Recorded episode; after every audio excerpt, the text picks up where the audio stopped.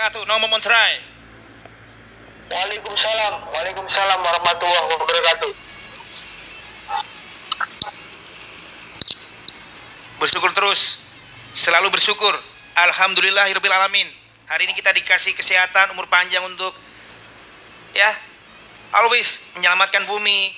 Kampanye respect untuk kebaikan kepada sesama Nomo. Bersyukur. Ya. Ya dan di kesempatan pertama ini kalau boleh saya ingin mengucapkan turut berduka cita prihatin Bung Sandi. Karena laporan dari BNPB Jayapura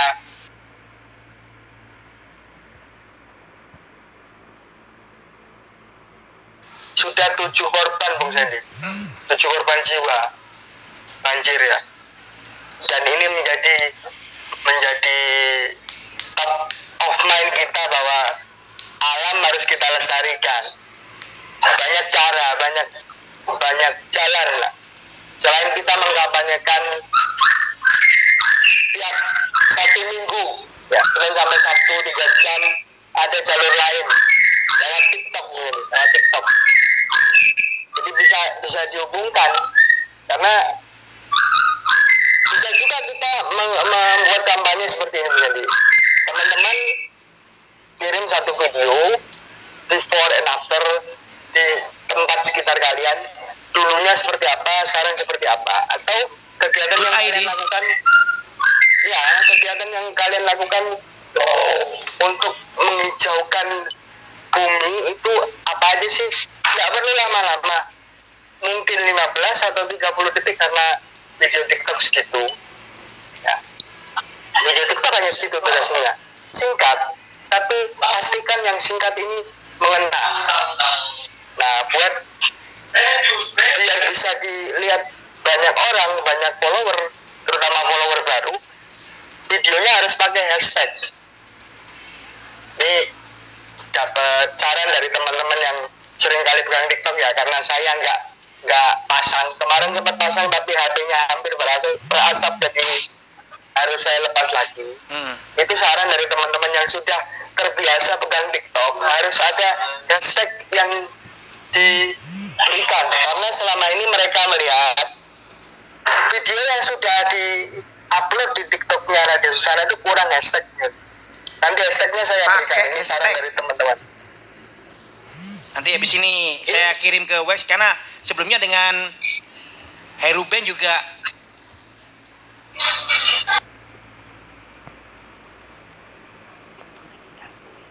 Ruben juga ngingetin tentang hashtag tagar itu sangat-sangat ya. urgent untuk segera menaikkan jumlah betul. follower. Betul, betul. Karena kemarin pada saat sebelum saya lepas aplikasinya itu sudah ada 128 orang. Terbaru naik lagi, terbaru naik lagi bukan 128. Tadi itu sekitar 140, sekarang menjadi 144 step by step nggak apa-apa pelan tapi pasti pelan tapi pasti. Ya bagaimanapun kita ngomong pelan harus bekerja lebih keras. Harus lebih ya. lebih lebih maksimal lagi. Karena bagaimanapun kita bekerja dengan waktu ingat ya nggak hanya di Jayapura kemudian Jember dan yang lainnya Nusantara kita yang kena banjir bandang. Aku pagi hari ini ikut prihatin kejadian di Pakistan. Mereka berbondong-bondong pakai mobil tujuannya berwisata. Pengen ngelihat fenomena alam yang langka salju turun, justru mereka menjemput nyawa. Innalillahi wa inna ilaihi rajiun. Yang meninggal cukup banyak di sana. Meninggal di dalam mobil tertimbun salju. Ya udah, ya apa kok gini gini mau? Hmm. Longsor ya, karena memang di daerah seperti uh, Saudi Arabia, Pakistan, terutama Saudi Arabia ya yang kita sering dapat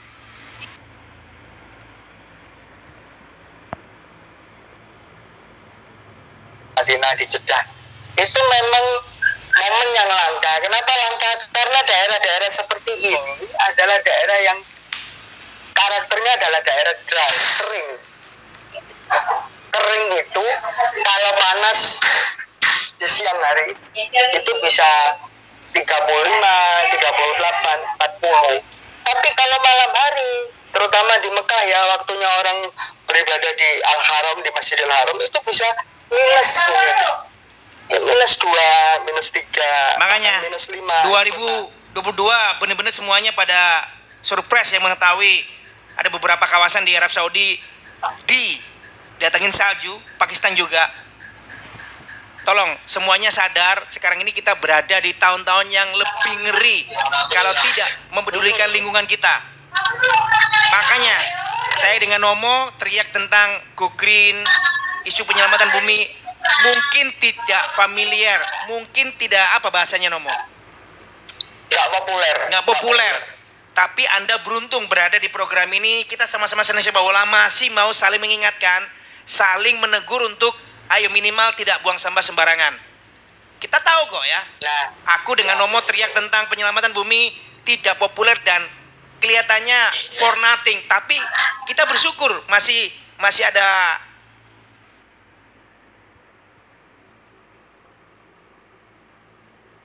kan mereka-mereka di negara kita yang ya makin nggak peduli, makin nggak tahu mau, ya nggak tahu mau ya. Tahu. makin ya makin banyak yang tutup mata, tutup telinga dan begini Bung Sandy. Kalau kita kaitkan dengan sepak bola ya, kita hitung mundur ya katakanlah masih da- masih dalam area 300 harian menuju Piala Dunia Qatar. Mungkin buat teman-teman yang sudah mulai lupa kenapa Piala Dunia Qatar itu digelar di bulan November, di bulan yang agak nanggung dan sedikit merusak kalendario sepak bola Eropa, itu alasannya juga karena alam Bung Sandy. Nah kan, dan kita beruntung, Alasannya juga kita beruntung sudah setahun sebelumnya memberikan gambaran Piala Dunia Qatar. Kalau Nomo sudah memberikan catatan ulang ya, karena alam. Di sana jauh usah kaget nanti mendekati Piala Dunia baru banyak TV ngomong tentang ya kan stadion yang ramah lingkungan ataupun kita sudah Oh, iya. jauh-jauh hari memberikan porsi itu. Qatar melek tentang penyelamatan lingkungan. Nomo balik ke TikTok, sertakan lagi ya materinya bahwa kita mewajibkan semuanya yang berada di program ini bantu bantu promosi untuk TikTok penyelamatan lingkungan dari alamat Susana SBY 913. Susana SBY 913. At Susana SBY 913 itu adalah tempat di mana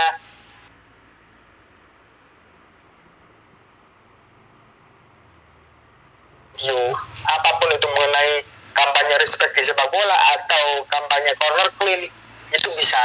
Dan kalau nanti memang materi yang kalian sajikan bagus di TikTok karena TikTok itu durasinya singkat tim podcast siap mengcover. Jadi nanti akan ada akan ada sinergi. Kalau boleh Bung Sandy jadi eh, materi bagus di video. Itu kalau kita dari tim podcast saya Mas Surya itu punya datanya untuk mengelaborasi bisa kita sampaikan ke dalam bentuk materi di podcast. Jadi silakan bikin video sekreatif mungkin. Durasinya tidak usah lama 15 sampai 30 detik. Isunya ya kampanye respect environment lingkungan corner queen to you yang penting keren dan pesannya kena at Susana SBY 913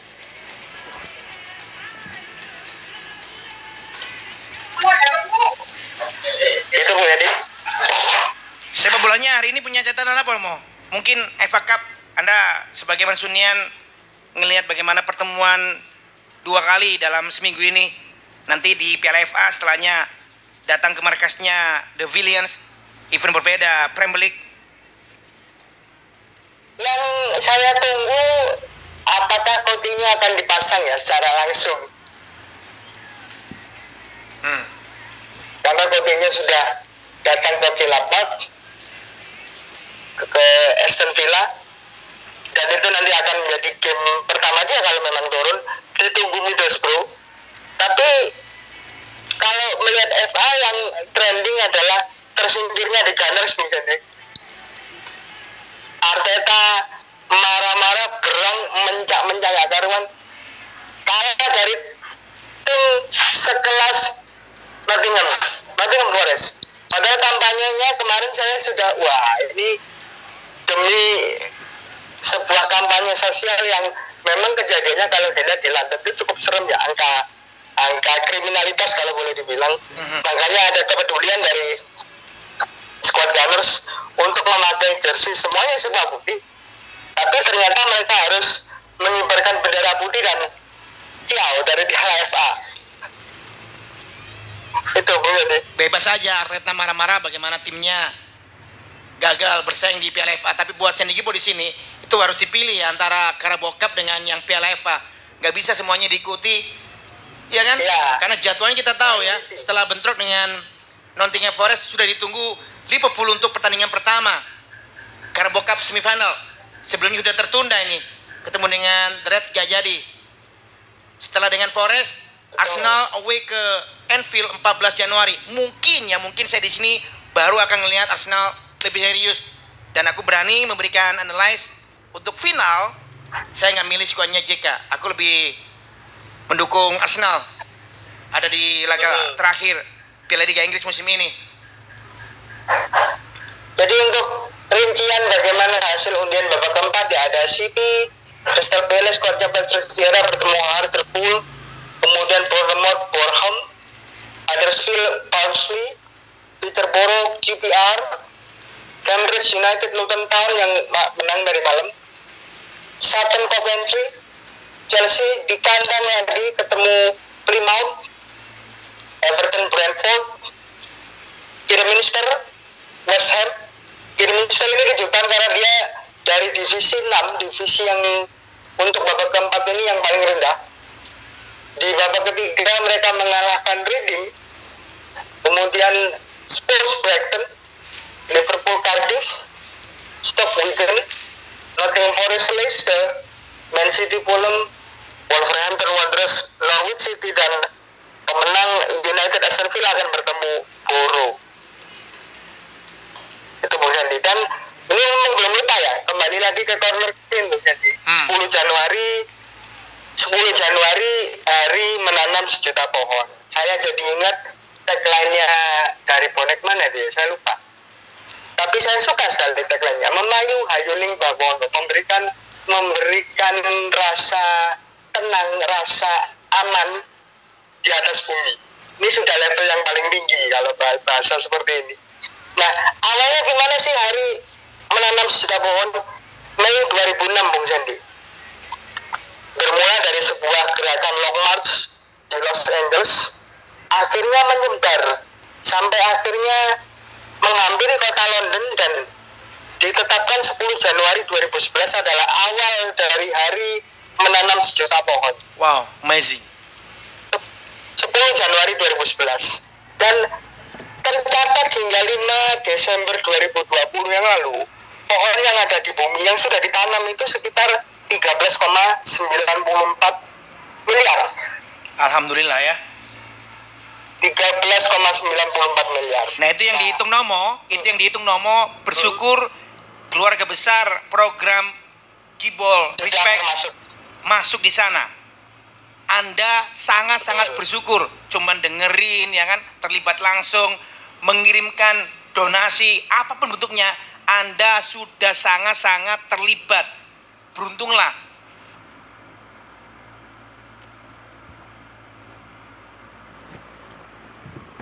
Bual Anda jadi pikir.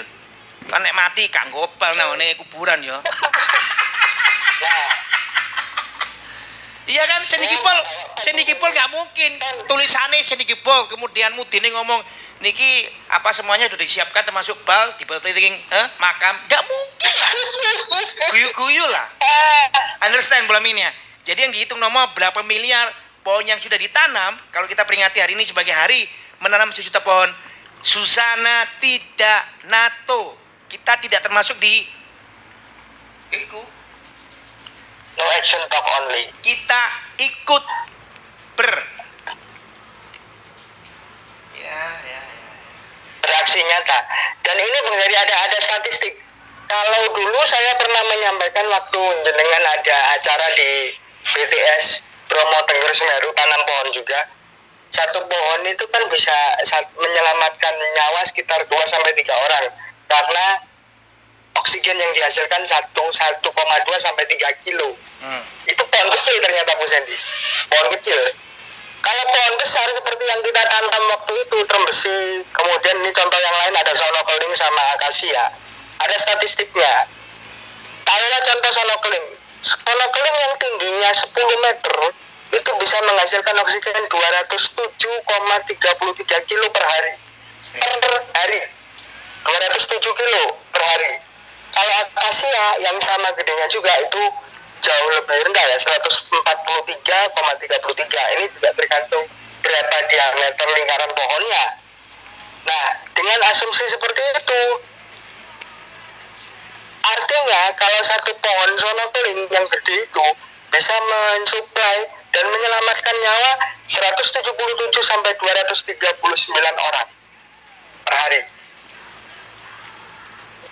dan memang oksigen ini kalau dijual belikan, diperjual belikan, diperdagangkan di pasaran, karena memang ada faktanya, harganya mahal. Baik, Nomo. Satu tabung itu sekitar 900 ribuan kan. Sedangkan kalau disediakan oleh yang punya hidup free, Nomo, saya potong Nomo. asalkan ada pohonnya. Siap. Beberapa poin yang aku harus sampaikan masih kaitannya dengan Go Green. Itu sempat saya bertemu dengan momen Jumat Berkah. Ada bapak-bapak naik R2 keliling membagikan nasi Jumat pagi. Ya, Hmm. aku nggak sempat mengabadikan karena nggak bawa gadget. Lagian aku nggak HP, HP ku ya kamera ya elek buruk ya. Tapi ya sangat-sangat beruntung dan aku wih bersyukur dia membagikan nasi itu tidak dengan yang sudah umum pakai styrofoam, pakai kresek, enggak.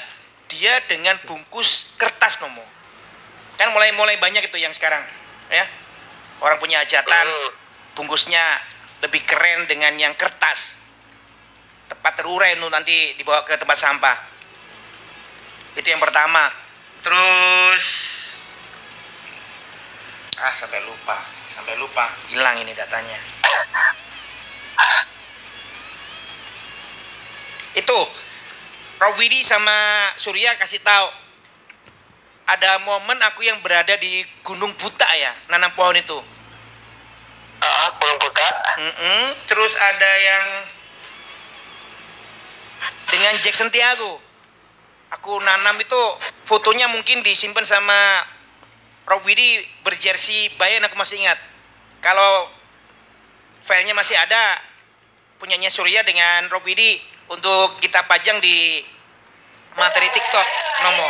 Ingetin ya Nomo mumpung aku masih bisa menyampaikan ke jenengan ini. Yang berikutnya balik ke sepak bola dunia ya, balik ke sepak bola dunia. Ditelepon sama Ronaldinho aku, bos nonton TV nggak? Wah nggak bisa Ran, aku lagi diving.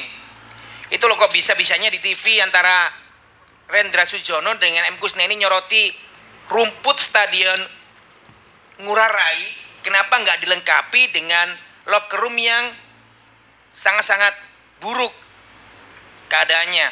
Aku tanya ke siapa, aku masih bingung sampai dengan hari ini. Itu ada kamar ganti kastar tertinggi Liga Indonesia menggunakan fan ya kipas angin. Itu sebenarnya bagaimana aturannya dari FIFA Nomo? Kalau aturannya dari FIFA kan kemarin sudah dapat keluhan ya dari dari manajemen juga ada satu video yang saya dapatkan Hmm, dari juga dari Betul.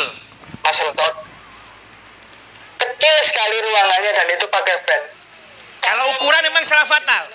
Ukuran bikin mereka ya pemain Persebaya official uyul-uyulan itu not good. Yang saya tanya tentang kipas angin penggantinya AC. Itu bagaimana ya? kalau melihat dari stadium regulation yang dimiliki FIFA kalau ruang ganti kan harus luas ya. Ukurannya tertentu saya kurang tahu. Tapi yang jelas fasilitas pendukungnya Bung Jadi seperti eh, AC ya, pendingin udara ataupun juga Jadi bisa disimpulkan yang khusus. bisa disimpulkan PT LIB di sini lalai. Tidak memperhatikan itu. Betul. Makanya ditanya Rana, kok bisa yang di industrian ini loh ya, yang di industrian mencermati rumput, benar-benar bisa menunjang, bolanya tidak terhambat ya, nggak ada genangan air. ada locker room yang jadi bagian di Stadion Ngurah Rai tidak dibahas. Itu katanya Rana, iki ngawur, ini penyesatan. Kenapa nggak disampaikan kepada masyarakat bahwa iki loh buruk. Itu yang disesalkan Rana. Masih saja terus bermunculan di TV-TV kita ya.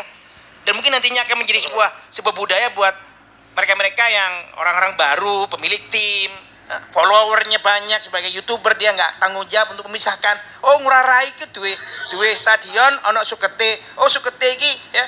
Ketika pemain habis latihan atau pemain setelah bal-balan itu menuju ke locker room, iki locker room eh, tidak layak, welek, ngomong, oh, itu poinnya yang disampaikan Rana, menyesal gitu loh, miris. ya harus harusnya kan PT LIB dalam hal ini mengacu pada AFC Stadium Regulation.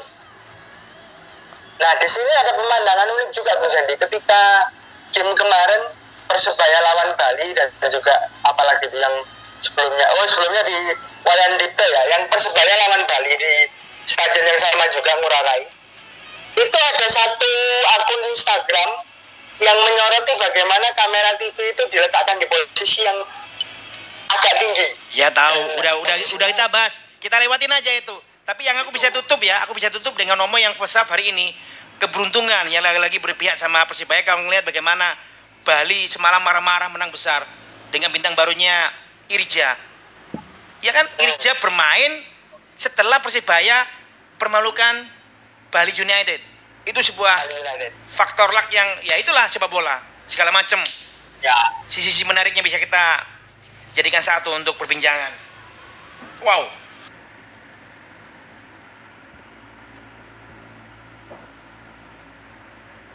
bagaimana ruang gantinya ya karena mengacu pada AFC Stadium Regulation tadi. Ompiang Sujana. Ini satu tempat juga yang yang dijadikan venue untuk seri keempat dan kelima karena kabarnya seri kelima juga di sini. Nggak tahu konfirmasinya bagaimana mungkin Pak Rudejo bisa menambahkan nanti.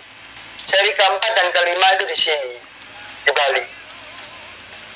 Ya wis, kita beri sebentar Nomo. Beberapa catatan dari teman-teman aku belum maksimalkan di 081 732 926. Sebagai penutup untuk yang pertemuan pertama hari ini 10 Januari momennya memperingati menanam pohon ya. Sajikan lagi Nomo tentang TikTok. Sampaikan bahwa semuanya punya tanggung jawab untuk membantu agar followernya bisa target ke seribuan Nomo. Sampaikan lagi Nomo. Terima kasih Nomo. Ya, jadi ada ada wadah baru nih, ada venue baru, stadion baru namanya TikTok, di mana alamatnya di at Susana SBY 913. Susana SBY 913 itu adalah stadion baru kita. Di sini pendengar saya minta ya, saya minta bisa membantu setidaknya sampai 1000 followers.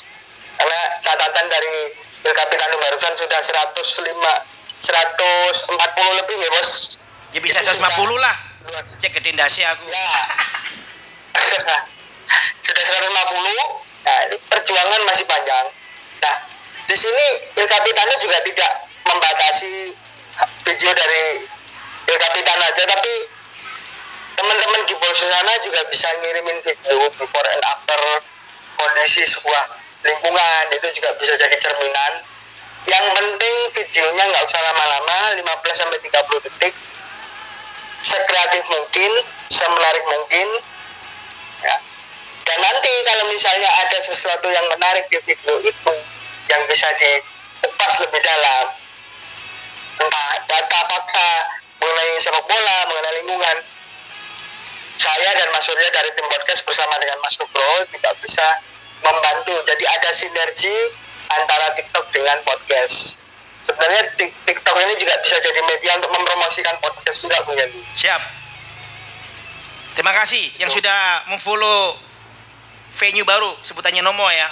TikTok kita di Suzana S U Z A N A S B Y 93 untuk penyelamatan lingkungan, untuk kampanye respect. Terima kasih nama waktunya. Nanti kembali lagi dengan second like. Aku tunggu catatan yang lain ya. Salam respect.